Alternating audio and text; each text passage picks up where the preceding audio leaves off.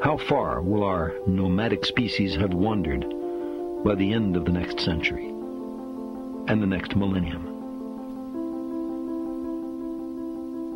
Our remote descendants, safely arrayed on many worlds through the solar system and beyond, will be unified by their common heritage, by their regard for their home planet, and by the knowledge that whatever other life may be, the only humans in all the universe come from Earth.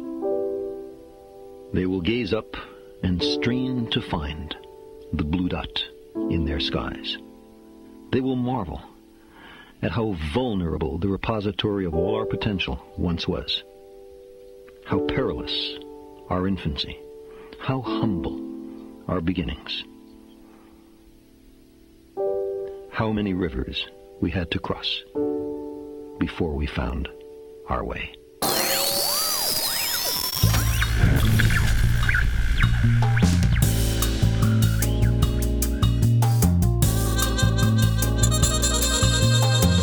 De Zeepkast. Opgenomen woensdag 4 juli 2018. Welkom allemaal bij aflevering fucking 50, kan ik dat zeggen? De laatste aflevering heb ik niet meer gebliept, man. Oké. Maar ja, we hebben ook geen explicit tag. Maar Nee, zullen we het... ik word een beetje lui, zeg maar. De, de running joke is wel een beetje voorbij. Ja, zullen we het, zullen we het gewoon toen bare minimum houden? Ja, laten we het afspreken. Welkom allemaal bij geweldige aflevering 50 van De Zeepkast. Jouw bron voor al je science, technology en popculture nieuws. Schuin tegenover mij zit eh, David. En schuin tegenover mij zit Sander. Voor eh, de verandering zit jij een keer op de bank. Ja, ik dacht, eh, let's switch it up. Ik Ja, zit zelfs in een nieuwe kamer. Ja, we zitten nu eh, in mijn eh, Mikasa. Mikasa. Ja, Mikasa en Sukasa. Mobiele studiootje meegenomen. Ja, dus het volgens is mij... hier chill, man. Ik vind het nu al leuk. Ja, ik ook. Ik, het geeft een heel andere vibe als je even op een andere, andere locatie opneemt. Dat valt mij ook wel op. Ik vind dat wel leuk. We moeten daar meer mee doen. Gewoon een keer op een terras, zeker met het weer. Hey, wat vind je het van ramen? Eh, ja, je kan er doorheen kijken. Ik heb ze net gezien, man. Ze zijn goed, hè? Nice. We hebben dat speciaal voor de ik aflevering dacht, dan gedaan. kunnen de buren goed naar binnen kijken terwijl wij aan het Ik opnemen denk, wat zijn. zijn, eh. wat, wat, wat zijn die? Twee beloten aan het doen. Daarvoor nerds. ik Eentje in zijn Feyenoord shirt. Ja. Gaat het Mag luisteraars ik dat niet zeggen? Ja, ja, ja, ja, tuurlijk, tuurlijk. Daar ben ik trots op. Hm. Nee, man, aflevering 50. Het Dat heeft wel, even geduurd. Hoe lang zijn we al bezig? eh, Drie jaar? bijna drie jaar, denk ik. Ja, Misschien al wel drie jaar, ik weet het niet. Best wel een poosje. wel. Drie jaar. Ik heb het niet gecheckt. Nee, het gaat zo hard, jongen. Voor mijn Ja. idee is dit echt nog een soort van... Ja, de start-up ding, snap wat ik bedoel? Een Ja. beetje eh, net mee begonnen, maar... Laat ik het zo al- zeggen. We doen niet veel anders dan sinds aflevering 1. Nee, nee, dat klopt. Ik denk zelfs dat ook... Nou ja, weet ik niet. Ga ik me niet over hoe de kwaliteit van onze aflevering zich heeft eh, verhouden. Nou, ik denk dat het wel geëvalueerd is. Gewoon, we hebben, we hebben het minder over gadgets. Ja, dat klopt. Meer over wat meer... zijn filosofischer geworden. Ja. Terwijl ik eh, in, het, in een verleden soort van anti-filosofisch was. Ja, we hebben zelfs nog een aflevering die heette de, de Antifilosoof. Antifilosoof. Ja. ja. precies. Nou ja, wat, wat wel grappig is, is dat volgens mij ehm, die lijn zo blurry is dat mensen die het meest anti-filosoof filosoof zijn, er ook wel weer heel dicht op zitten. Ja, Over het algemeen ook heel erg nadenken over dingen, maar met een Ja. andere insteek. En dat misschien vaak de definitie van fi- filosofie wat vager is. En dat, dat, daarom... dat was eigenlijk wat ik toen bij aflevering 48 uit Wietse probeerde te vissen. ja, Van waar zie jij de lijn tussen, tussen Ja. filosofie en wetenschap? En eh, dan krijg je vervolgens een monoloog van anderhalf uur. Ik had Ja. het niet anders verwacht. Ik vond het briljant. Ik Ja, vond het echt briljant. En het ja heeft ik, echt wel eh, wat met ik- me ik- gedaan. Ik heb de eerste vijf minuten erbij gezeten, ben ik maar weggegaan. nee, Nee, maar ik heb die aflevering twee keer teruggeluisterd. Gewoon helemaal gewoon ik, niet, niet tijdens de afleveringen editing, eh, waar, waar ik ook trotser op ben. Maar goed, dit gaat niet de grote terugkijkshow worden. Maar ik wou er toch even bij Oh, stilstaan. waarom niet? Ja, aflevering, aflevering 50. Dat, we hebben hem ook enigszins voorbereid, hè? Eh, ja, zo, ja. Op, op het spectrum van eh, helemaal niks voorbereid tot een Ja. beetje voorbereid... zitten we nu meer richting Meer het... richting een beetje voorbereid. Ja, dat, is, dat is wel waar, ja. Ja, voor aflevering... Kijk, weet je, eh, laatste over aflevering 50. Super mooi getal. Super vet dat we het hebben bereikt. Maar ja, als we een hexadecimalen hadden geteld, was het nu aflevering 32 of zo. Ja. Dus. Hè, maar daarom tellen we ook niet in hexadecimalen. Dan Nee. hadden we nooit een aflevering 50 van de zeepkast gehad die we groot konden Ja, hadden we uiteindelijk wel 50 bereikt, duurt Ja. het alleen langer. Ja, ja dat is waar. Dus eh, vandaar. Nee, want ehm, we hebben op zich deze aflevering ook wel weer wat, wat, wat, wat... We bevinden ons volgens mij wel weer een beetje op de grens tussen wat meer sciencey stuff Ja. en ook erover nadenken. Dus waar we het eigenlijk deze aflevering een beetje over willen gaan hebben, is het fenomeen eh, eh, leven.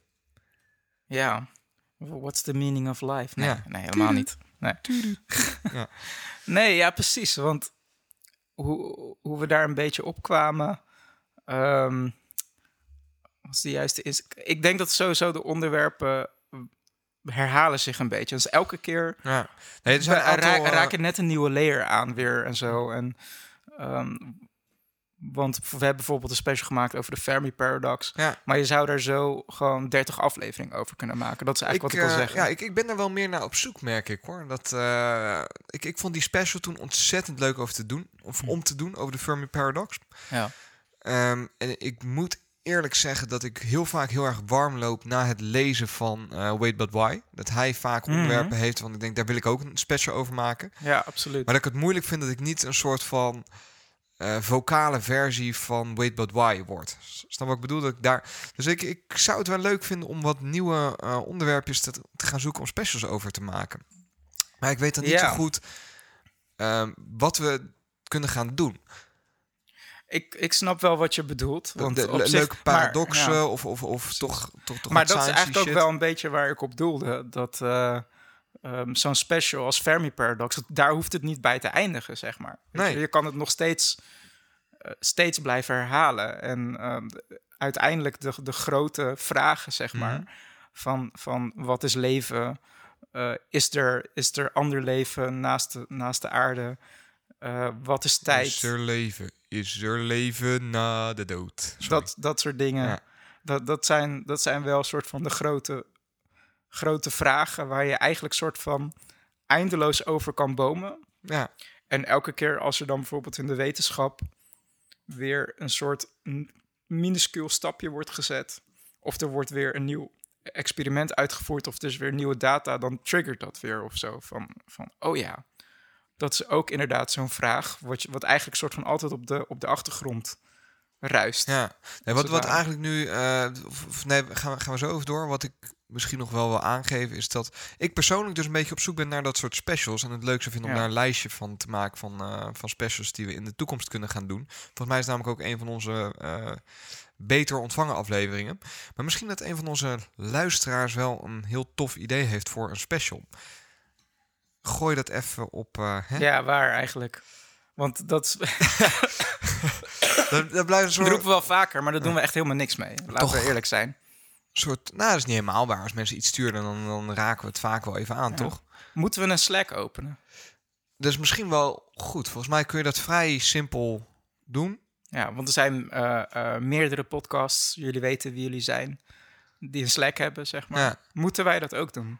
Want op zich, Ah, ik, op zit, zich- ik zit al in twee Slacks en dat is meer, ja, eh, ik kan het wel handelen. Ik, ik zou het ook wel nice vinden, maar gewoon meer een soort van extreem unmoderated. eh, ik, ik hoef niet duizend en het.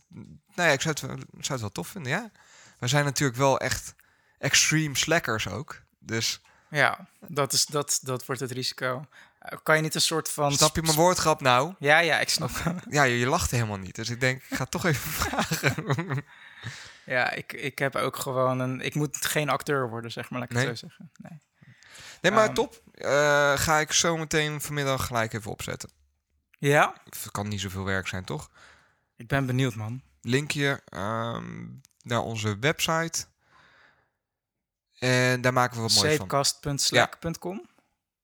Gaat dat er echt komen? Ja, ga ik vanmiddag naar kijken. Damn. En daar maak ik dan ook wel een kanaal op eh, specials. By the way, dit is echt super spontaan. Ja, dit Dat- is niet besproken. Dat ga ik Nee. vanmiddag maken.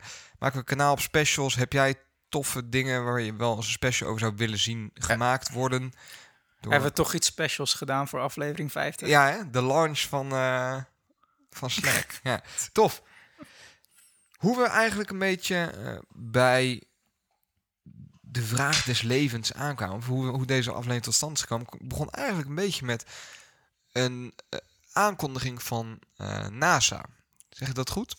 Klopt, ja. Vorige maand ehm, was er weer een artikel gepost. eh, dat, dat er eigenlijk weer, weer nieuwe informatie is. Nee. Eigenlijk vanuit Mars, vanuit de Curiosity rover. Want die doet metingen, die rijdt daar al een tijdje rond. Nee. En het is al eh, vaker gemeten dat er, eh, in, dat er in de atmosfeer van Mars eh, deeltjes methaan Mhm. worden opgevangen, zeg maar, gemeten. Gemeten. Ja. ja. En methaan is, wordt vaak geassocieerd met, met, Het leven. met leven, Ja. met biologisch materiaal. Dat wordt gemaakt door een organisme of bacterie. Die kans is er, zeg Ja. maar.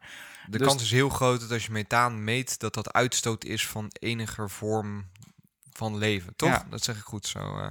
Klopt. En dan Ja. met, met de nadruk, de kans is zeer groot aanwezig. Dus dat is niet helemaal... eh, eh, ja. Het is geen science, er is een, maar- Precies, er is een hele grote link tussen, tussen bepaalde gassen en organismen. Ehm, de, de doorbraak eh, van vorige maand eigenlijk... Ja, doorbraak, ik weet niet of ik het zo moet zeggen. Mhm. Maar ze hebben eigenlijk nu eh, ehm, concreet weten te maken... dat er een soort seizoenencyclus is van methaangas op Mars. Ja, hè? Dus dat, dat, het, eh, dat, het, dat het lager wordt in de winter Mhm. en richting de zomer, richting het einde van de zomer, dat het een beetje piekt. Ja. En dat is eigenlijk in een zin wat er nu soort van naar buiten is gebracht. ja, en daar kun je dan, dan gelijk over. Dat kan duizend één verklaringen hebben. Daar Ja. hebben ze het zelf ook over. Het kan Ja. zo zijn dat er, eh, nou, dat er bepaalde. Dat er onder, ondergrondse Ja. marsmannetjes zijn die aan het ruften zijn. Dat. Daar wou ik naartoe, inderdaad. Ja. dat is, dat is eigenlijk de meest. Dat is eigenlijk de enige oplossing, Ja. toch? Dus eigenlijk hebben we nu. Spacekoeien, Ja, zeg maar. Nee. Eh, maar wel dat er bijvoorbeeld... Het zou kunnen dat, dat, dat het een clue is voor, voor ondergrondse bacteriën. ja. die, activiteit. die, precies, die, die eh, eh, materiaal aan het omzetten zijn en dat daarbij methaan vrijkomt en dat Ja. die actiever zijn in de zomer ten opzichte van de winter. Ehm, de meest aannemelijke theorie op dit moment is dat het vrijkomt. Dat er een soort. dat in eh, materie gevangen zit op Mars en dat dat. eh, en dat wanneer het warmer wordt, dat dat dan vrijkomt, zeg maar. En dat het weer bevriest in de winter. Dus dat het een soort reservoir is. Maar dat zou ook heel tof zijn. Want het kan ook bijvoorbeeld een teken zijn dat er in een ver verleden... mhm. dat Mars meer op de aarde leek en dat daar toen leven was, zeg maar. En dat het nu een soort van de, de, de laatste aardgassen zijn, Marsgassen, ja. van een, van een, fossiele, Mars van een soort fossiele brandstof. eh, ja. ja. Ja, Ja, er zijn ook steeds meer aanwijzingen voor. Hè? Dat dat best wel eens zo zou kunnen zijn. Nou, Ja. dat is wel bijzonder. Dat je eigenlijk kijkt naar een soort van skelet van iets wat ooit de aarde had kunnen zijn. En dan kun je daarover verder nadenken dat misschien de aarde over 100 miljoen jaar ook gezien wordt door Ja, dat ander. wordt wel vaker inderdaad ook. Niet alleen Mars, maar ook Venus. Want Venus wordt, eh, kan je ook wel als meer eigenlijk als een soort broertje zien van, Mhm. van de aarde. Omdat, eh, kijk, Mars is een stuk kleiner Ja. dan de aarde. Ja, is, is, en die heeft is dus... kleiner dan de maan nog ook, hè? Nee, nee. Nee? Nee, nee, Dat nee, dacht nee, ik. Nee, nee. Ehm, maar Mars is niet, heeft niet genoeg zwaartekracht, laat ik zo zeggen, om zijn, om zijn atmosfeer om zich Ja. heen te houden, zeg maar. Dus hij heeft nog een soort van hele dunne eh, atmosfeer. Venus, die lijkt Mhm. qua grootte best wel veel eh, eh, op de aarde. En Venus wordt, wordt, wordt eigenlijk wat jij nu zegt, wordt vaker als voorbeeld naar voren geschoven. Van, van ja, wat als we dit experiment wat we nu aan het doen zijn met, met broeikasgassen, als je dat door blijft pompen, CO, Ja. CO2 eh, in, in, in, in je atmosfeer, wat je dan basically krijgt, is Venus. Nice. Ve- Venus eh, heeft een soort eh, uit de hand gelopen broeikaseffect. Ja. Eh, dat ja, de metaal smelt daar gewoon. Het is daar zo heet. En dat is trouwens wel vet. Een even random fact dan tussendoor. Mhm. Want NASA, die, die- om dan weer even een korte brug te slagen naar de Curiosity rover. NASA is echt super goed in Mars eigenlijk. En NASA die heeft gewoon vaker robots geland Ja. op Mars en dat kunnen ze gewoon. Dat is wel hun ding, Mars. Precies. Ja. Venus, Dat is het ding van Rusland. Serieus? Rusland is supergoed in het... Die hebben een paar keer een, een satelliet geland op Venus... en die het dan lang genoeg volhield om foto's te maken. Want we hebben dus gewoon foto's Ja. van, de, van de oppervlakte van Venus.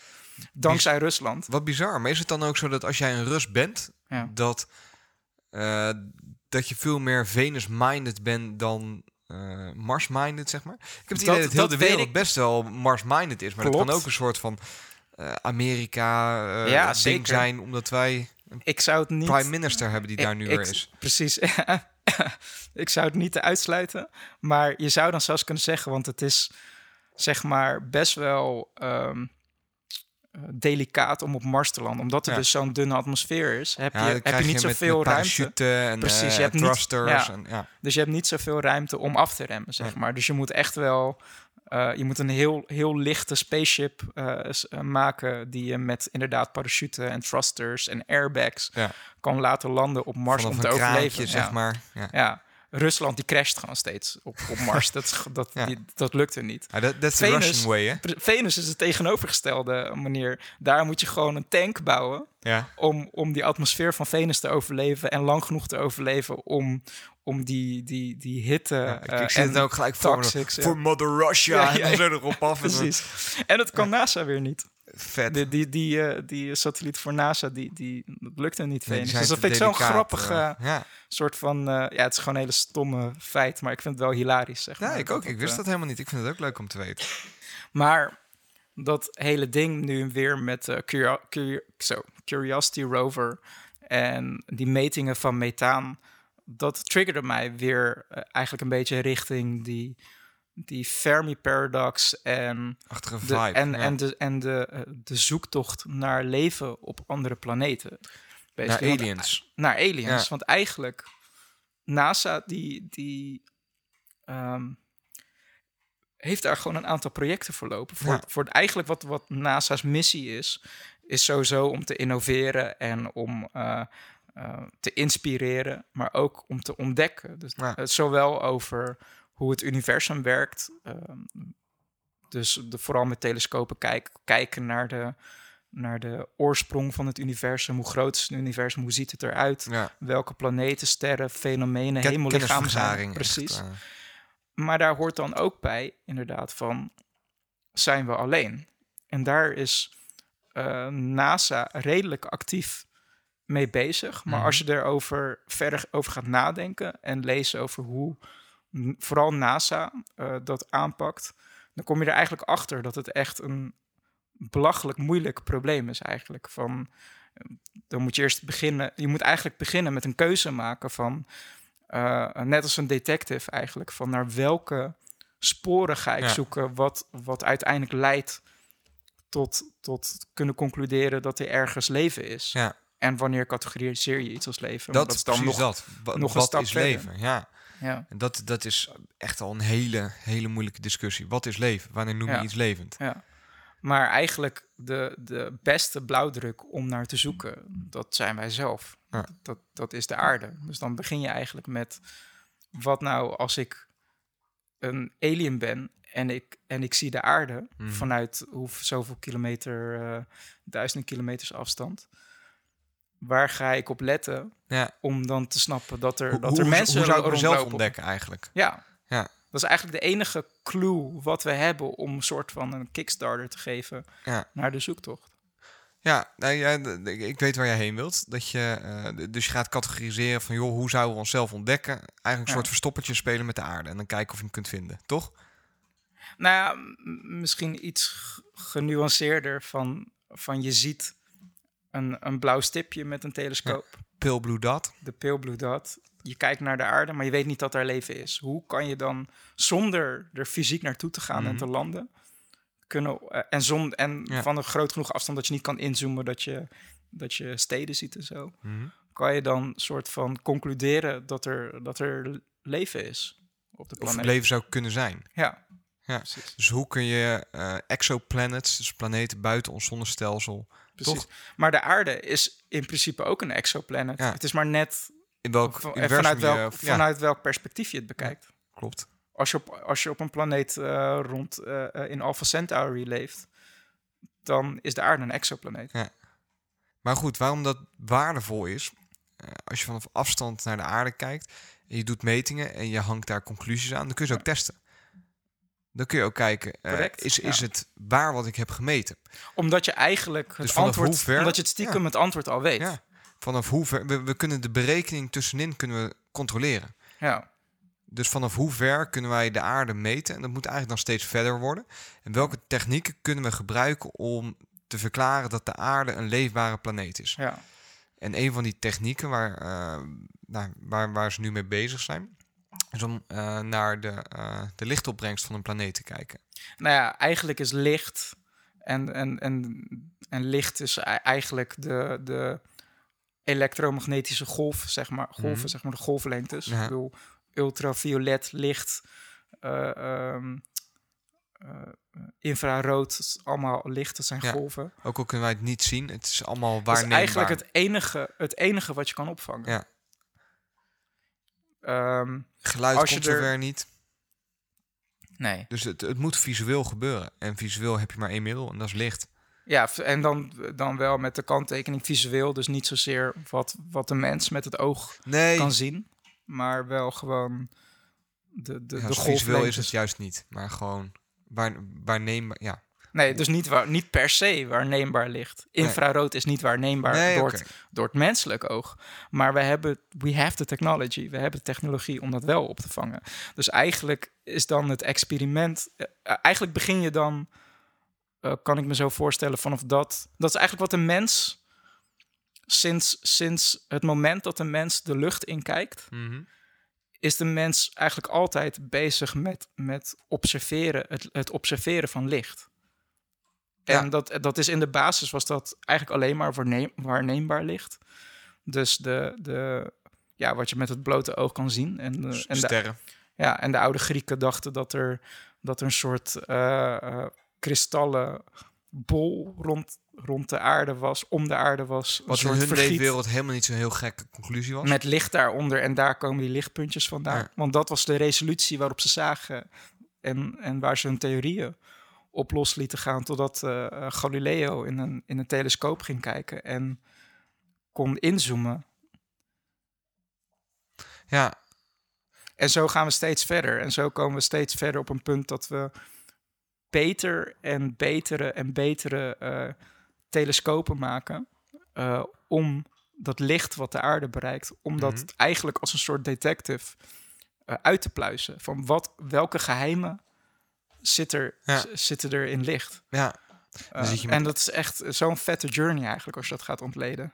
Ja, dan zit je met exoplaneten, zit je met het, het probleem dat, tenminste hoe we die nu vaak waarnemen, is Ja. dat ze eh, exoplaneten, of, of een exoplaneet is ook Ja. een, nee, hè, het hoeft niet per se een planeet te zijn die bewoonbaar is. Hè?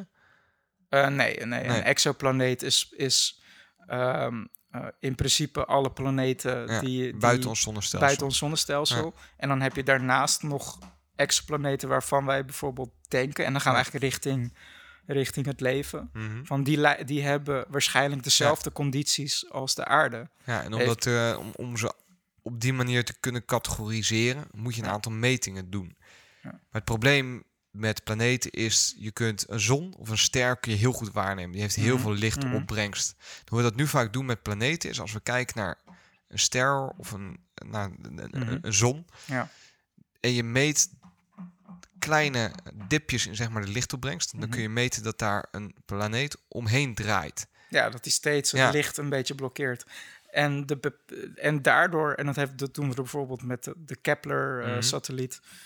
Ehm, ik was, ja, ik was daar een beetje naartoe toe aan het bouwen, zeg Oh, maar. Want, crash je er nu dat- overal doorheen? Nee, nee, nee, dat valt, Ja. best, wel, dat valt best wel mee hoor. Want wat ik dus, eh, want op zich vind ik die, die journey van, van de mens Mhm. die naar de hemel kijkt, zeg maar, de reis van de mens die naar de hemel kijkt, vind ik super interessant en mooi, zeg maar. Dat we bijvoorbeeld de afgelopen honderd jaar, dat dan Hubble eh, vanaf een grondtelescoop de, het universum eh, waarneemt en op basis van weer het, het bekijken van het, het lichtspectrum en dan vooral infrarood, dat hij daarmee kan concluderen dat het universum uitdijt, bijvoorbeeld. En dat bepaalde sterrenstelsels sneller van ons afgaan dan sterrenstelsels die dichter bij ons zijn. En dan vervolgens krijgen we de Hubble-telescoop, die vernoemd is naar Edward Hubble, die dus eh, wel rond de aarde heen vliegt en met vooral... eh, Edward Hubble of de telescoop? Edward Hubble in de ruimte, ja. Ja. Ehm, dat, die, ehm, dat we met de Hubble-telescoop, eh, wa- wat dus eigenlijk een satelliet is eh, rond de aarde, dat we daar eh, verder obs- observeringen mee doen met visueel licht, een stukje infrarood, dat daar dan de dampkring van de aarde niet tussen zit, waardoor we weer beter kunnen kijken. Ja. We hebben nu met, met de Kepler-satelliet, dan hebben we heel veel gedaan wat jij nu net zei. En we hebben dus pas ook weer een nieuwe satelliet gelan- eh, gelanceerd, ik weet, een jaar geleden of zo. Of, doe ik even uit mijn hoofd, die heet. Ja. ja. Ehm, die, TESS, de- daar zit ehm, in de naam uit mijn hoofd Transit Exo. Dat kan ik even opzoeken. Ja, TESS staat voor Transiting Exoplanet Survey Satellite. En die doet eigenlijk precies wat jij net, net beschreef. Daar zit Mhm. gewoon een aantal camera's op waarmee ze grote delen van, van, het, van eh, eh, het universum, zeg maar, dat we dat kunnen bekijken. En Ja. kan Eigenlijk Kan- meten, hè? precies. Op, op een gegeven moment moet je ook, ook volgens mij het onderscheid maken tussen kijken en, en meten. Dan wordt kijken, wordt meten. Ja, eigenlijk gewoon, gewoon data recorden, zeg Ja. maar. Maar wel met het concept van, van een camera. Want de Ja. camera die meet ook. Er komt licht binnen en dat valt op een sensor. Ehm, en wat jij dus net beschreef inderdaad, dat je dan planeten hebt die dan voor een, eh, een, een, Een, een een, zon, een, of een zon ster. of ja, een ster beweegt en daardoor Ja. eh, het, het licht een beetje blokkeert. En eh, door Kepler en nu door TESS komen we er eigenlijk achter dat, er, dat, dat je statistisch gezien eigenlijk kan zeggen dat elke ster die je in de, in, in de hemel ziet, Mhm. dat die minimaal één planeet heeft. Ja. Dus, de, dus een exoplaneet, en dat weten we nog niet zo lang. Dat weten we pas. Eh, pas een aantal jaar eigenlijk. Dat, dat we eigenlijk echt kunnen zeggen dat, dat zo'n exoplaneet, dat een planeet Ja. niet zeldzaam is. Dat, dat, dat het fenomeen dat zich hier in ons heelal afspeelt, dat dat helemaal niet zo heel uniek is. Niet speciaal is, nee. Nee. Dat dat eigenlijk, ehm, ja, dat als je wanneer je naar de hemel kijkt en alle sterren ziet, dat er eigenlijk nog veel meer Het planeten is moeten toch zijn. grappig en ook confronterend. Is Eigenlijk, hoe meer je weet, hoe meer je erachter komt dat je eigenlijk niet bijzonder bent. Ehm, ja, nou, of juist wel. De, de planeet, want het enige wat we nu kunnen zeggen, Mhm. en dat slaat ook een beetje op wat jij er net zei, van is een exo, moet een exoplaneet op de aarde lijken? Nee. En dat is eigenlijk uiteindelijk een beetje op dit moment voor NASA de heilige graal in de zoektocht naar, naar, naar ander leven. Los Mhm. van bijvoorbeeld die methaanontdekkingen op Mars en zo. Maar kunnen we op een gegeven moment eh, de resolutie van onze telescopen... en Ja. met resolutie bedoel ik eigenlijk van inderdaad, hoe ver kunnen we kijken? Hoeveel licht kunnen we opvangen? Ehm, kunnen we daarmee uiteindelijk zo accuraat meten dat we een aarde 2.0 kunnen vinden? Oftewel, een aarde, een, een andere planeet die echt lijkt op de aarde. En niet op Venus, niet op Mars, niet op Jupiter. Want alleen ons eigen zonnestelsel heeft al gewoon een hele mooie variatie aan planeten. Mhm. Maar dat we echt gewoon een, een planeet kunnen ontdekken waarvan we kunnen zeggen, die heeft zoveel zuurstof in, in, eh, in, in zijn atmosfeer. Mhm. Die heeft vloeibaar water. Die beweegt op, eh, die draait op, op een correcte afstand van zijn ster. Dat het niet te warm is en niet te koud. Zodat je kan zeggen dat er vloeibaar De water is Goldilocks zone. de Goldilocks zone. Al die dingen, Mhm. de compositie van, de, van de atmosfeer, dat is echt mega interessant. En dat is een, een reis waarvan ik nu, waarvan ik denk dat we daar nog best wel vroeg in zitten eigenlijk, zeg maar. Want ehm, ja, zoals ik zeg, het is eigenlijk heel erg best wel primitief aan de ene kant nog wat we, wat we nu Wat, doen. wat we doen, ja. Met, want het heeft dus ook nog bepaalde beperkingen. Dat het vooral, dat, dat dippen van het licht van een ster, Mhm. kunnen we vooral zien wanneer de ster zelf niet te groot is. En de planeet Ja, voor de redelijk groot, zeg maar. light, precies. zeg maar. Ja, omdat het anders gewoon niet te doen is. Omdat de planeet anders nauwelijks het licht van zijn ster blokkeert. En dat is, daar zijn onze sensoren gewoon niet gevoelig genoeg voor. Ja. Dus we zijn eigenlijk eh, constant bezig om, eh, zo grappig, net als bij computers, ben je constant je hardware aan het upgraden Ja, om een betere ervaring te creëren of meer te meten. ja, En dat zijn we nog steeds aan het doen. En ik denk wel dat je gelijk hebt als je zegt dat we daar nog echt aan het begin staan. Dat het heel erg eh, steeds sneller en beter wordt. We zijn nu al bezig met een, met een vervanger eigenlijk van de Hubble, eh, Hubble-telescoop. ja, of het vervolg daarvan. Want, Ja. want die Hubble-telescoop, Die blijft wel in gebruik. ja, en, Ja. Die, en er zit heel veel overlap, maar ook weer niet. De Hubble-telescoop die doet nog steeds dingen die de nieuwe telescoop... eh, De James Kan. Webb-telescoop. klopt. Hij was van de week weer in het nieuws, hè? heb je dat eh, gehoord? Nee, Het schijnt dat hij... Nee, hij is vertraagd. En, Ja, dat d- d- het werd wat, wat eh, klunzig gebracht. Dat dat zou komen doordat hij is schoongemaakt met het verkeerde schoonmaakmiddel. Waardoor een hele hoop onderdelen vervangen moesten worden. En er allemaal schroefjes los in zaten die niet waren oh vastgedaan. man, menselijke fouten. Ja, hè? Nou ja, daar blijf je toch een beetje mee zitten dan. Ja, Maar dat, eh, dus hij is eh, pushed back. En ik geloof dat hij nu in 2021 eh, klopt. Ja, en de bedoeling was dat die oktober dit jaar gelanceerd zou worden. Dat gaan ze dus niet redden. Nou ja, wat, het is net Tesla. Wat redden ze wel bij NASA? Ja. Eh, ja, maar het is ook gewoon heel lastig, weet je. Want het is best wel next level dingen die ze doen daar. Ja, ja, er zijn, moet je, dan moet je een keer voor de grap checken van die animaties. Ehm, want het ding met die James Webb-telescoop is dat het, het wordt ja, wel een van, een van de grootste. Hij is echt een stuk groter dan, eh, dan, dan de Hubble-telescoop die, we, die we nu hebben. het is Alleen- een spiegel van iets van 6 meter of zo. toch? Ja, meer dan zes meter. Ja. Ja. Ja, En, en daaromheen zit dan nog een soort zonneschild, zeg maar. Want een Mhm. gigantisch doek is die uit vijf lagen bestaat. Om dat hele ding koel te houden, zeg maar. Dat het niet Oh, eh, vernietigd wordt door onze eigen zon, zeg maar. Ja. Of ja, nou, meer dat die, eh, eh, dat die gewoon accuraat. Want dat soort lenzen die zijn gewoon super temperatuurgevoelig. En je, krijgt, je krijgt betere res- resultaten bij de juiste temperaturen. Daar komt het eigenlijk Ja. op neer. Dus dat ding moet ook gewoon koel gehouden worden. gewoon een, een aircootje op eigenlijk. Ja, kan je doen. Met zo'n, met zo'n slangetje, zeg maar. Met condenswater. Dat je dan moet. eh, Ja. ja. Ehm, maar dat is leuk, zo'n, zo'n grote telescoop kunnen we bouwen. Ja. Alleen zie je hem maar in de ruimte te krijgen, zeg maar. Dus het is ook altijd een constante race tussen, Mhm. tussen betere apparatuur maken. En dat dan ook, ook betere en grotere raketten maken om het dan in de ruimte te krijgen. En een soort van heel creatief zijn, want dat ding wordt dan zeg maar helemaal opgevouwen. En wanneer die dan in de ruimte Het is is, een soort transformer ja, eigenlijk. Die ja helemaal precies. En, Ja. en dat moet allemaal goed gaan, anders ben je gewoon echt de sjaak. Dus Ja, ze proberen zoveel mogelijk 10 miljard verder en dan heb je niks. Precies, ze maar. proberen zoveel mogelijk te testen op de grond van het, het uitvouwen van de apparatuur, maar je weet het nooit 100% zeker.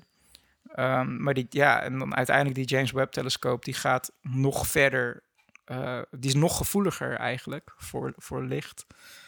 Ehm, waardoor je dus eh, nog dimmere objecten kan eh, Ja. vangen. Dus dimmeren als in objecten die minder eh, licht afschijnen. Ja, en dat kan Ja. dan bijvoorbeeld zijn omdat het gewoon heel ver is. Ja. En daarmee dus ook heel oud, zeg maar. Dus we kunnen gewoon nog dichter richting de, de Big Bang gaan kijken. Ook met die James Webb ja. telescoop. Ja, dat is wel bijzonder. En dan gaan we dus al die nieuwe technieken inzetten om steeds beter te bepalen wat zijn dan planeten waar eventueel leven zou kunnen zijn. Ik, ik doe even een soort resume. Hè? Ja, ja, ja, dat, dat, dat doen we door, eh, door licht te meten. Eh, we zijn steeds beter bezig om te kijken hoe we nou conclusies kunnen verbinden aan het meten van licht. Precies. Dus eh, ze zijn nu met een experiment bezig met een bestaande telescoop die Ja. gelijk op een baan rond de zon zit, waardoor die eh, de aarde altijd vanaf de lichte kant ziet. Dus altijd de belichte kant van de aarde ziet. Ja, klopt. Die staat, Ja. die, die, die, dat is de camera Epic. En die, Ja. ja. Ja, zo heet Ja, die. ja. Staat op de, op de satelliet, die heet iets van Discover of zo, ook zo'n afkorting. Ja, ze, ze hebben allemaal van die afkort. Dat viel me ook. Dat ze allemaal van die, van die gezochte eh, afkortingen hebben die dan een, een, een woord betekenen. Epic, Discovery. Trump eh, had er, had, heeft er nu ook weer eentje hè, voor een nieuwe wet die hij bedacht heeft. De Fart Act of zo. ah, maar volgens mij was dat een ongelukje. dat, dat zou mij niks verbazen. Ja. Maar goed, Ja, anyway. Dus die ziet de, de aarde altijd vanaf de belichte kant en zijn we aan het kijken. ehm, als we de aarde nou meten als een eenpixelig object... Dat is een heel vet experiment, inderdaad. ja, Ja, als we de aarde nou meten als een eenpixelig object in een beeld... Ja. dus we krijgen de, de lichtopbrengst van één pixel binnen... kunnen we dan in die Daar lichtopbrengst van die pixel... Ja. kunnen we daarin eh, on- onderscheid in lichtopbrengst maken... waardoor we kunnen eh, op, op, ik geloof dat is op vers- tien verschillende Eh, golflengtes. golflengtes maken ze telkens een snapshot van Ja. het object. In dit geval aarde. En dan gaan we kijken of we daaraan kunnen herleiden. En nou ja, gaan we kijken. Dat is dus gelukt. In principe wel. Als we de aarde als een eenpixelig object zien op een beeld, dan kunnen we aan de lichtopbrengst ontlenen hoe snel een planeet bijvoorbeeld draait. Ja. Doordat er toch ehm, een, een in die opbrengst van die tien beelden die je eigenlijk hebt, als je het zo Mhm. ziet, ehm, daaruit kun je, als je die over, over elkaar legt, maak je een beeld met lichtopbrengst en je ziet daar een, een reoccurrence in, dus een, een terugkerend patroon. Nou ja, kijk, inderdaad. Want eh, kijk, die, die camera op, eh, Kost, Op die satelliet dorst, hoor je het? die camera op de satelliet Discover, die wordt ook gebruikt om bijvoorbeeld metingen te, te doen over het klimaat. Eh, ja. op de aarde. Maar ze, ze hebben inderdaad dus ook een experiment bedacht van oké, die camera die kan de aarde gewoon heel goed high resolution zien. Maar je kan die data ook soort van Afknijpen. afge... Ja, niet zozeer... Het is niet dat ze de foto croppen of zo. Nee. Dat ze maar op één pixel transistor of zo van de, van de chip... dat ze daar dan afmeten. Maar ze pakken gewoon het hele ding... en daar maken ze een gemiddelde van... dat alsof het één pixel Ja. is, zeg maar. En dat doen ze dan elke keer als hij een foto maakt... Doet hij, maakt hij tien Eigenlijk wat foto's je, wat je op tegelijk. je iPhone vaak hebt van die appjes van eh, Pixelate. Ja, eigenlijk wel. ja, ja, ja, precies. En dan kan je je zo bijvoorbeeld voorstellen, want dat doen ze dan op verschillende golflengtes, maar golflengtes zijn ook gewoon kleuren, zeg Ja. maar. Eh, als je dan ehm, de aarde die draait en dan krijg je Afrika in beeld, maak je een foto, Ja. dan is het, gaat het meer richting groen. Dan krijg je opeens een stille oceaan te zien, dan gaat het meer richting blauw. En op een gegeven moment bouw je daarin een golf op, zeg maar, van, van een verandering Ja, die dus- herhaalbaar is. En dan dus- daardoor kan je conclusies uit. reoccurrence inderdaad. Dus een, Ja. een, een beeld dat telkens terugkomt. Ja, En daaruit kun je, kun je een aantal dingen afleiden. Je kunt eh, afleiden hoe snel een planeet draait, geloof ik. En je, je kunt ook best wel, en dat zijn ze nu aan het kijken, in hoeverre, maar ook wel afleiden eh, hoe zo'n planeet eruit zou kunnen zien. ja, Aan de hand van een één pixelig eh, ja. dingetje. En pixelag. Pixelag. ja. Nee, maar dat, Nee, maar precies. En dat is een super vet experiment, omdat je het Vond antwoord eigenlijk al weet. nee, het, het is maar je checken. doet, je, precies, je doet Ja. alsof... Want je bijvoorbeeld, je weet dat de aarde er 24 uur over doet om rond te draaien. Ja. Wat nou als je, als je jezelf dan dom houdt, inderdaad één pixel data voorgeschoteld krijgt en daarmee een model gaat maken en daar komt 24 uur uit, dan weet je dat het, dat het klopt, zeg maar. Dus dat, dat vond ik wel heel vet. Nou, als je die techniek nou eh, hebt, dus het, het sluit allemaal op elkaar aan. Het zijn allemaal losse experimenten. Maar het is allemaal een beetje, en dat omschrijft NASA geloof ik als astrobiologie. Ik hoor ja, jou... astro, eh, astrobiologie, dat gaat nog een stap verder. En ik misschien, ja, ik, dat, dat kunnen we niet helemaal aantikken, want dat, maar we kunnen het wel een soort van een beetje aantikken. Ja. Want eigenlijk hetgene wat mij gewoon zo fascineert is, de- is dus het feit van wij zijn op zoek naar ander leven en we gebruiken onszelf eigenlijk als een soort blauwdruk van, van, Van hoe- leven. Hoe, we het er- eigenlijk proberen we onszelf te observeren op een andere planeet. Soort Ja. van, dat is een beetje wat we willen. Proberen we zelf de aliens te zijn die, eh, die ons... Ja, Ja, omdat het het enige is wat we, wat we kennen.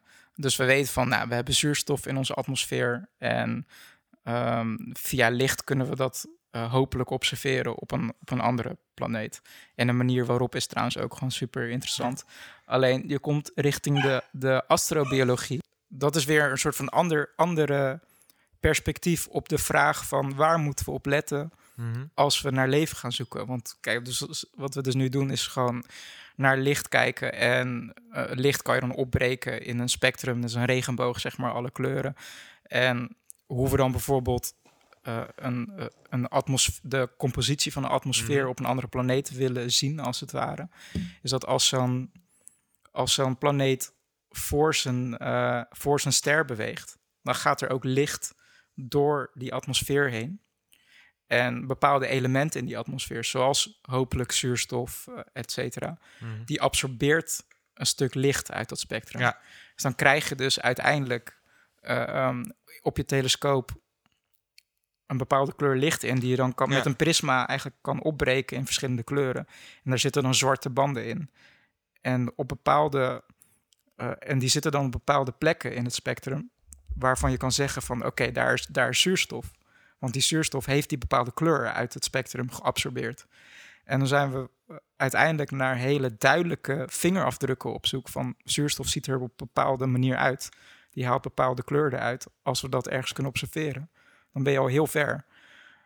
Ehm, maar dat is dus eigenlijk allemaal gebaseerd op het feit van de zoektocht naar aarde 2.0, Ja. zeg maar. Dus meer, meer ehm, qua planeet gezien dan echt Ja. qua, eh, qua levensvormen. Je kunt Ja. niet een levensvorm eh, op die manier waarnemen. Nee, je kan inderdaad alleen maar indirect zeggen van, Ja. nou, ik observeer methaan, ik observeer zuurstof. Alle voorwaarden Die- voor een leefbare planeet dat zijn, er. Precies, en dat zijn moleculen die zeer waarschijnlijk geproduceerd... Als er ergens zuurstof is, Mhm. dan is er waarschijnlijk daar een organisme die aan fotosynthese doet. Die dus zuurstof de lucht Ja. inpompt, zeg maar. Dat is Dan- op de aarde ja, ook gebeurd. klopt. Er is pas zuurstof in onze, in onze eh, Atmosfeer. eh, atmosfeer gekomen. Totdat er dus eh, eh, bacteriën en planten zijn gekomen die. die dat afscheiden. Precies. Ja. En dan ga je eigenlijk richting de, de astrobiologie om die vraag vanuit een andere hoek dan te stellen. Van oké, we kunnen bepaalde. We kunnen alleen licht observeren. Maar wat is er. Hoe is leven überhaupt begonnen? Hoe is leven echt begonnen op aarde? En wat voor ehm, voorwaarden heb je nodig? Hoe, hoe moet de planeet gevormd zijn? Welke materialen moeten er zijn? Wat is er allemaal nodig om uiteindelijk ergens le- leven te creëren?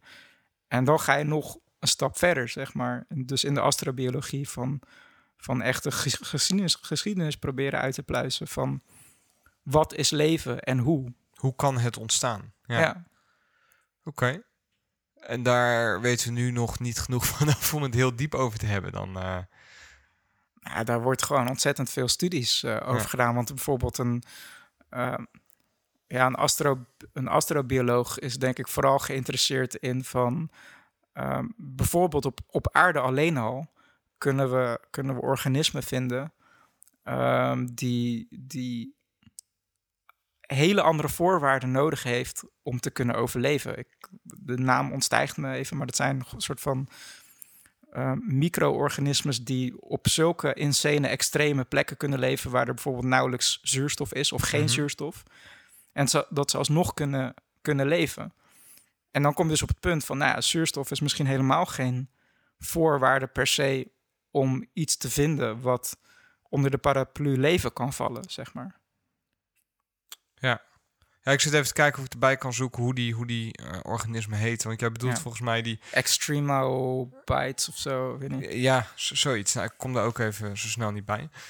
Ehm, want dat zijn die organismen die ook onder water kunnen leven. Op plekken waar geen, eh, geen, geen licht is. Bijvoorbeeld eh, is ook een vorm ja. van... Maar we eigenlijk pas in, in 1977 eh, überhaupt ontdekt hebben dat dat mogelijk is om te leven zonder licht.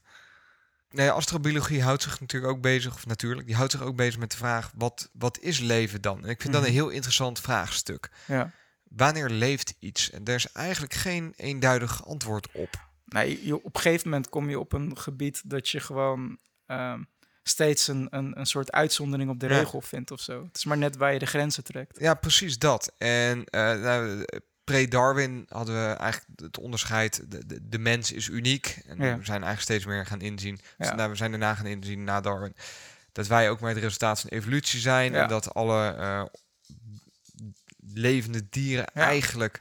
Onderhevig zijn aan evolutionaire krachten eigenlijk. En dat zou je kunnen noemen als een van de regels om iets leven te noemen. Is het onderhevig aan evolutie.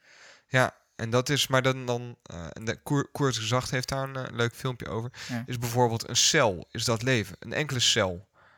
Hij voldoet aan een hele hoop voorwaarden van leven. Eigenlijk praktisch aan alles. Hij Ja. kopieert zichzelf, is onderhevig aan evolutie. Hij is zichzelf aan het onderhouden. Hij is. eh, zet, ja, zet energie om. ja, inderdaad. hij gebruikt energie en zet dat om. Dus wat is, is, is een cel dan leven?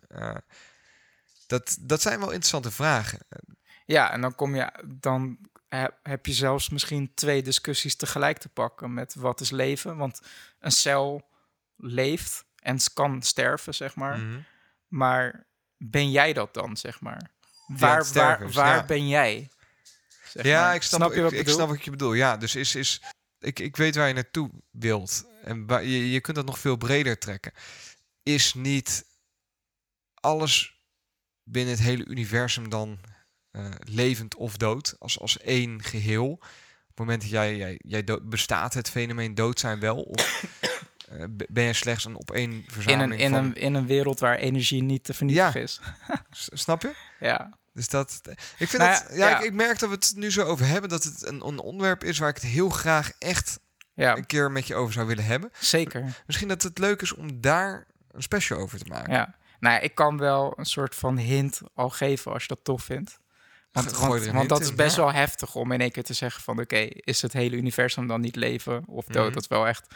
Dan ga je wel weer richting Hare Krishna, Richting shizzle, next zeg level. maar. eh, ja. Dus en, eh, nou ja, ik ben niet religieus, zeg maar. Maar, maar kijk, je zou over, dat, over die grenzen trekken. Van, nou je kan bijvoorbeeld trek, de grens trekken van eh, ehm, het lichaam. Dat, dat ben jij. Ja. Maar ja, jouw lichaam is een soort van, Meer een, een soort van vehicle. Dat zegt ze in het kort gezacht filmpje ook super grappig. Alsof je een auto bent.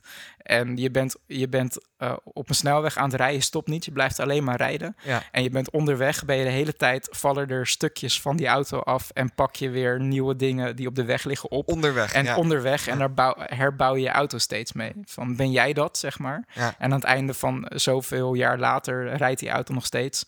Geen, bijna praktisch geen enkel onderdeel is meer origineel, tussen haakjes origineel. Ben jij dat dan, zeg Ja. maar, weet je? Of, eh, nou ja, dan zeg je van, oké, ehm, jij bent dan niet die auto die constant verandert, maar jij bent de, de informatie, de blauwdruk. Oftewel, tussen haakjes, jij bent je DNA. Maar ja, dan kom je weer op het punt van bijvoorbeeld een, eh, wat is het, een een-ei- een-eiige tweeling. Mhm. Die zijn toch echt anders, zeg maar. Ja. Terwijl de DNA gelijk is, zeg Ja. maar. ja, maar ook, tot, ook tot de cel. Ja, ik, ik, ik geloof heel erg in continuïteit. Want inderdaad, energie is, is onverwoestbaar. Mhm. Maar er is, er is een soort eh, onafgebroken lijn tussen, tussen mij nu op dit moment en een vierjarig klein K-jongetje die ja. rond, rondrent eh, op, op een speeltuin, zeg maar. Die zichzelf David noemt. Ik heb vrij weinig meer te maken daarmee. link. Eh, ik heb, ja, hoe moet je het zeggen? Ik herken mezelf daar niet in. Die heeft andere meningen, die wil andere dingen, heeft praktisch andere cellen. Maar er is wel on, ja, er, er, Om hier te komen niemand, heb je dat niemand, wel nodig an- gehad. precies, niemand anders kan zeggen dat hij een directe link heeft tot die vierjarige Nee. peuter die rondrent, zeg maar. Dus dat vind ik wel een hele interessante lijn om over na te Ja. denken. Maar je kan er heel ver in gaan. Nee, En- maar het gaat ook de andere kant op. En wanneer Ja. gaan we, en dat wordt ook interessant, wanneer gaan we AI levend noemen? Precies, Het is eigenlijk dezelfde discussie. Hoe omschrijf je leven? ja. Dus gaan we een keer, dat vind ik leuk, gaan we doen. Ja, precies. Ja. Want, A- want een AI die... eh, Ik zie je gelijk glunderen ook weer. Dit, jij, jij vindt dit ook een leuk onderwerp, ja. ja, want een AI die is ook gewoon opgebouwd uit, uit atomen, zeg maar. Ja. En daarom is het Uiteindelijk ook heeft hij gewoon- dezelfde bouwstof als wij. Precies. Maar daarom vind ik het ook de laatste tijd zo vet om naar, naar de microbiologie te kijken. Dus de bacteriën en de Mhm. virussen en zo. Want de virus, Is niet levend. daar zijn dus discussies over. Ja. Want zelfs binnen de. En, en, en in de basis zou je een groot deel van de virus zou je kunnen beschrijven... als een DNA- of RNA-streng. Mhm. En DNA op zich is... Oké, dan kom je dus weer op punt, maar dat zou ik dan niet levend noemen. Want, want DNA of RNA is gewoon een hoopje moleculen. Eh, een hoopje aminozuren die in een bepaalde volgorde staan... Ja. waardoor je informatie, tussen haakjes informatie hebt, zeg maar. Maar het is gewoon een molecuul. En ehm, die, die DNA-RNA-streng... die zit dan weer in een soort bal, in een soort jasje van eiwitten... die dat stukje DNA ja, zeg maar omvat.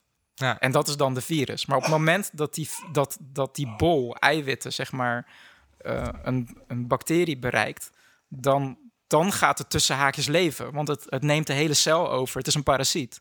Het neemt, neemt de cel, de, de, de, de bacterie over en die maakt er een fabriek van om meer nieuwe virussen te maken. Maar als je, als je dan verder gaat kijken, dan ontdek je dus weer dat er daarin ook weer variaties zijn tussen, tussen virussen. Dat sommige virussen een stuk groter zijn dan andere. En dat er zelfs virussen bestaan die soort van meeliften op grotere virussen. Dus dat ze zichzelf injecteren in een grotere virus. Een virus in de virus in Ja, de virus. precies. Ja. Maar dat is gewoon een soort van hele battleground van eigenlijk gewoon machines. Een soort hoopjes moleculen. Maar is dat dan niet ook leven, ja, zeg maar? eens. Zullen we hem daarbij eh, Ja. bij afsluiten? Ja, vind ik een mooie. Ehm, nou, dan heb ik misschien nog een boekentip. Ik heb hem nog niet uit, Mhm. maar ik ben halverwege. En dat is, eh, je, je kijkt me weer lachend Ik, eh, aan. ja, ik weet welk boek het gaat worden. Ja, Ik heb hem al een aantal keer bij jou op de bank zien liggen. ja, hij is te gek, man. Mythos van Stephen Fry. Hij is nou Stephen Fry of Steven Fry? Fry. Ik haal het door de war elke keer. Ik weet het eigenlijk niet. Wat is het? Steven? Ja, volgens mij is Stephen, Stephen Fry? Ja. Ja. ja, Stephen Fry, Mythos. Waarin die soort van in zijn eigen woorden de Griekse eh, mythologie hervertelt. Ja, dat is geweldig, man. Wat ik zo vet vind aan mythes, zijn vooral de, de, de verklaringen die ze dan Mhm. bedenken voor bepaalde fenomenen. Dus bijvoorbeeld hoe de seizoenen zijn eh, ontstaan. En hoe de wereld is ontstaan en zo. En daar, dan zie je ook gewoon dat, dat die oude Grieken, zeg maar, dezelfde vragen Hadden als hadden. wij. En, ja, en een van de tofste vind ik gewoon hoe de, hoe de mens is gemaakt. Dat, dat Zeus en de goden op Olympus, die, die verveelden zich. En eh, Zeus die dacht dan van... eh, ja, ik, ik zou het vet vinden dat er... Dat, ik vind al die dieren en de planten vind ik allemaal leuk. Maar ik wil toch, toch iets voor mezelf hebben. En eh, toen heeft hij een, een soort... Heeft hij een titan, zeg maar, die ook een soort bekend stond om zijn art, om zijn kunst Ja. heeft hij de opdracht gegeven om een soort van poppetjes te maken. Eh, ehm, dat was Prometheus. Prometheus. Dat Ja. is ook een komeet of zo? Of een, eh, Oh, dat is, het is ook een film in de, in de Alien franchise. ja. Maar de misschien naam- ja, misschien daarom. Maar, de, maar de naam komt eh, van, eh, van, van dus een titaan uit de, uit de. Griekse mythologie. En Zeus gaf hem eigenlijk de opdracht van... oké, maak, maak mensen, basically. En die mogen alles, behalve... eh, ze mogen niet de, de, het vu- vuur kunnen... mo- ze mogen geen vuur... eh, kracht krijgen over vuur. Ja. Ze mogen alles eigenlijk, maar, maar, maar Vuur is een no-go. vuur van, van, Dus van de vuur maken dan? Of? klopt, dan mogen ze helemaal niks. Omdat Zeus een soort van, ehm, hoe zeg je dat? Eh, de toekomst voorzag van op het moment dat de mens controle krijgt over vuur, Ja, dan wordt de mens te krachtig en krijgen ze de kracht om de goden, eh, aan te vallen. Ja precies, Ja. Om, om, om baas te worden over zichzelf. Dan zijn, hebben, ze, hebben ze de goden niet meer nodig, zeg maar. Nice. En dan is het dus een, een periode zo geweest dat de mens vooral gewoon super happy. Het lijkt heel erg op de Adam-Eva verhaal uit de heel Ja. veel mythes hebben heel veel overlap. hè? Ja, en dat is ook zo vet, vind ik. Dat bijvoorbeeld in de, in de Bijbel dat, dat eh, de mens niet van De van de, niet de appel mag eten van is het een appel? Het wordt alleen fruit genoemd van, de- van de boom des kennis of zo. Dus het is eigenlijk vergelijkbaar. Van Zeus wil voorkomen dat, dat de mens te krachtig wordt. Dus ze mogen alles behalve het vuur. En Prometheus die, die vindt dat zijn, zijn... Die wordt eigenlijk een soort van verliefd op de mensen. Die, Mhm. En die wil ze toch meer... Hij ziet meer potentie in de Ja. mens. Dus dan steelt hij... Het is zijn creatie. Precies. En eh, dan steelt hij op een gegeven moment vuur van, van, de, van de berg eh, Olympus. Mhm. En geeft het aan de mensen. En Is dat ook where- het Olympisch vuur dan? Dat zou zomaar kunnen. Eh, ik weet, er zal denk dat vast een link, zal eh, vast een link in zit. zitten. Ja. Maar wat ik daar gewoon vet aan vind, is dat die Grieken, dus eigen, die Grieken, die, die, Die die, zaten er eigenlijk ook. Nou, maar die zaten er eigenlijk net als de, de meerdere menselijke culturen. Die zaten er gewoon mee dat, dat, dat ze gewoon zagen dat de mens gewoon meer, meer kennis heeft of zo. En dat ze zich dus daar, daarmee ook afvroegen: is het goed, zeg maar, wat, Ja. dat wij die macht hebben?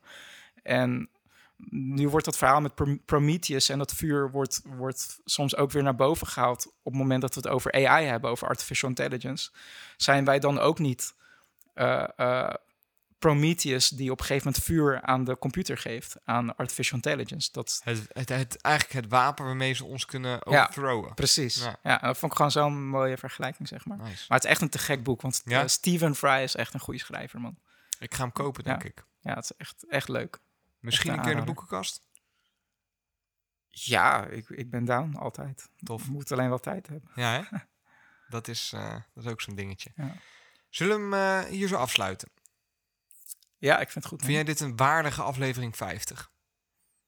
Ehm, zoals ik eerder zei, als we een hexadecimalen hadden geteld, was 50 helemaal niet zo Wat bijzonder. een rot antwoord. Je moet gewoon ja zeggen. Ik Voor- vind je dit een waardige aflevering 50? Ja, man, echt sowieso. Nice, ik ook. Zeker omdat het gewoon voor het eerst bij jou thuis is. Ja, dat vind ik super Er chill. ging van alles mis. Het koffiezetapparaat ging ineens aan. De hond ging blaffen. Oh, was dat je koffiezetter? Ik Ja. dacht dat de buurman ging boren. nee, dat is het koffiezetapparaat. Die spoelt dan. Oh. we net koffie hebben gezet. Dus ik En Cosmo die weten. zat, zat mijn voet te bijten. Ja.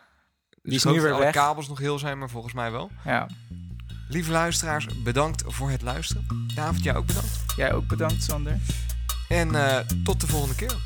Ciao. Live long and prosper.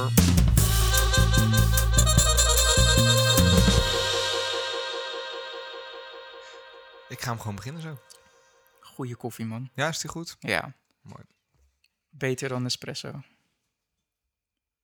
Nou ja, soms zit er net een rot boontje tussen of zo. En dan heb je Mm. ineens een bakje ertussen. Die, rotte boontjes ook altijd ertussen. There's always one. Ja, hè? Altijd Ja. één rotte Ja. boontje. Ja. Ah, ik vind ook dat we gewoon eh, minder rotte boontjes moeten hebben. Mhm. Zijn jullie met mij Willen we meer of meer minder? of minder rotte boontjes willen? Aflevering 50 en dit is what you get. Ja, hè? Nou, bedankt voor het luisteren allemaal.